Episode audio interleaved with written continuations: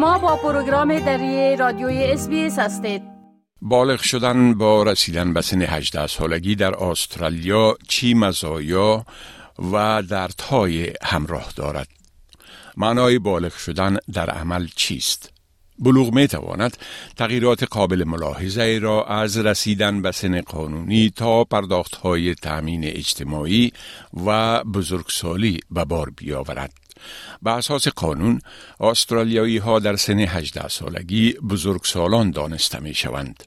کیت ریچردسن وکیل ارشد حقوق جوانان استرالیا تغییرات را که در این سن رخ می دهد از نظر حقوقی توضیح داده و می گوید که با رسیدن یک شخص به سن 18 سالگی والدین دیگر مسئول رفتار و کردار او نیستند و مسئولیت به دوش خود شخص قرار می گیرد. Across Australia, turning 18 and becoming an adult really means that your parents or guardians no longer have parental responsibility for you under the law. And as an adult, you're independent. So that means that you're responsible for yourself and your behaviors. While you're under 18 years old, in some situations, the child or young person has reduced capacity under the law.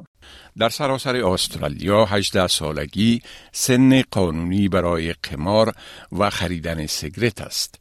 این همچنان سن قانونی برای خریدن الکل می باشد. اما مقررات مصرف الکل در اماکن شخصی و خصوصی برای اشخاص زیر 18 سال ممکن با در نظر داشت محل زندگیشان متفاوت باشد. Generally, the legal age to buy or drink alcohol in a licensed venue is 18 years old. Generally, it's against the law for someone under the age of 18 to drink alcohol on private premises. So that's at home or it could be at another person's house, unless the alcohol is supplied by a parent or guardian or someone who has been given permission by the parent or guardian. There are some small differences across different states and territories, especially about drinking under the supervision of an adult in private premises. ستیون رابرت استاد تعلیم و عدالت اجتماعی در پوهنتون موناش است. یکی از ساحات تحقیقاتی که او در آن تخصص دارد انتقال جوانان به بزرگسالی می باشد. او می گوید والدینی که نگران صرف الکل به گونه خطرناک باشند بهتر از فرزندان خود را در مورد خطرات آن آموزش بدهند. اما آنها همچنان باید واقعی بین باشند. پروفسور رابرتس فراهم کردن نمونه از بهترین روش به شمول نوشیدن مسئولانه را طور یکی از راه های پیشنهاد می کند که والدین می توانند از آن برای حمایت از فرزندان خود در انتقال به بزرگسالی استفاده کنند. So things like pacing themselves, getting the balance right and openly discussing pleasure as well as the social and health consequences of things like drinking too much. They might also want to talk to their kids about finding ways to look out for one another in their friendship group so they can cultivate um, peer group norms of respect and care. I think moderation and understanding and open communication is a really critical thing to undertake at this important juncture. رسیدن طفل به بزرگسالی می تواند بر دسترسی خانواده به مزایای دولتی تامین اجتماعی هم تأثیر بگذارد. هنگ جونگن مدیر خدمات استرالیا مزایای مالیاتی خانوادگی یا فامیلی تکس بنفیت را که یک پرداخت دو قسمتی است و به والدین در مخارج تربیت فرزندان کمک می کند مثال می آورد. Once upon a time, they were appointed by the British government, but over time we have changed that and evolved. So now the Australian government makes the appointment. It is simply a matter of the government or the cabinet choosing the person that they want, which often means the Prime Minister choosing the person that they want, and then the Queen will approve the appointment. Usually for five years, but often that term will get extended. یک تغییر واضح در وقت رسیدن شخص به 18 سالگی واجد شرایط شدنش برای درخواست با کمک مالی توسط خود او می باشد. در حالی که یک جوان 18 ساله از نظر حقوقی مستقل است هنوز هم در ارزیابی برای واجد شرایط بودن پرداخت وابسته تلقی شده می تواند و واجد شرایط بودنش بستگی به درآمد والدین او می داشته باشد.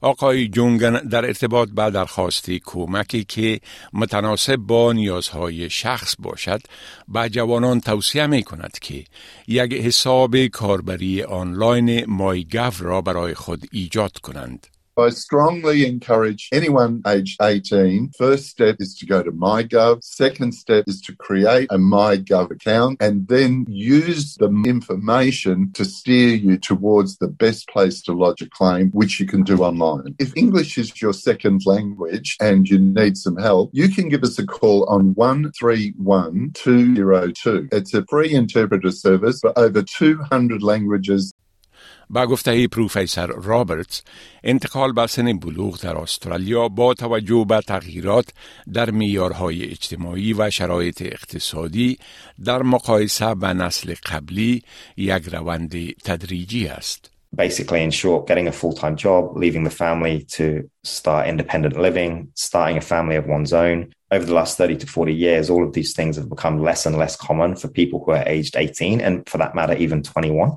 And that's common for those social markers of adulthood to be achieved basically much later into the 20s or even 30s. Then, lastly, I think important to stress there are growing numbers of young people who not only delay the attainment of these markers, but also kind of reject them altogether. خانم ریچردسن میگوید که طبق قانون برای انجام بعضی کارها همیشه رسیدن به سن 18 سالگی یک امر ضروری نمی باشد. Examples include you don't necessarily need to be 18 to have sex, to have a job, to have your own bank account, to consent to medical treatment, to leave school, to leave home, to be charged with a crime, or even to get free legal advice without a parent or guardian. در استرالیا بعضی قوانین وجود دارند که سن را که یک جوان در آن می تواند بعضی کارها را انجام دهد تعیین می کنند. در موارد دیگر این می تواند به توانایی آنها و موقعیتی که آنها در آن قرار دارند مرتبط باشد. خانم ریچردسن می گوید این همیشه توصیه می شود که ببینید چی چیز برای شخص بر بنیاد شرایط خاص او قابل اجرا می باشد. For example, a young person can consent to medical treatment under the age of 18 if the doctor thinks that they can understand the advantages and risks of the treatment. And when making this decision, the doctor considers many different factors. There are some circumstances where a young person under 18 can get a passport without permission of their parent or guardian. And there are quite a lot of special circumstances. So we do recommend that a young person gets legal advice to see if any could apply to them. اسناد و منابعی که حقوق جوانان بالغ را بر اساس قانون تشریح می کند از طریق کمیسیون های کمک حقوقی یا لیگلید و خدمات حقوقی جوانان در هر ایالت و قلمرو به دست آمده می تواند. یوت لا استرالیا یک خدمت حقوقی اجتماعی آنلاین است که توصیه هایی را در مورد قوانین در سراسر کشور فراهم می کند. در حالی که والدین می توانند اطلاعات مفیدی را در وبسایت شبکه تربیه اطفال تمویل شده توسط حکومت بیابند.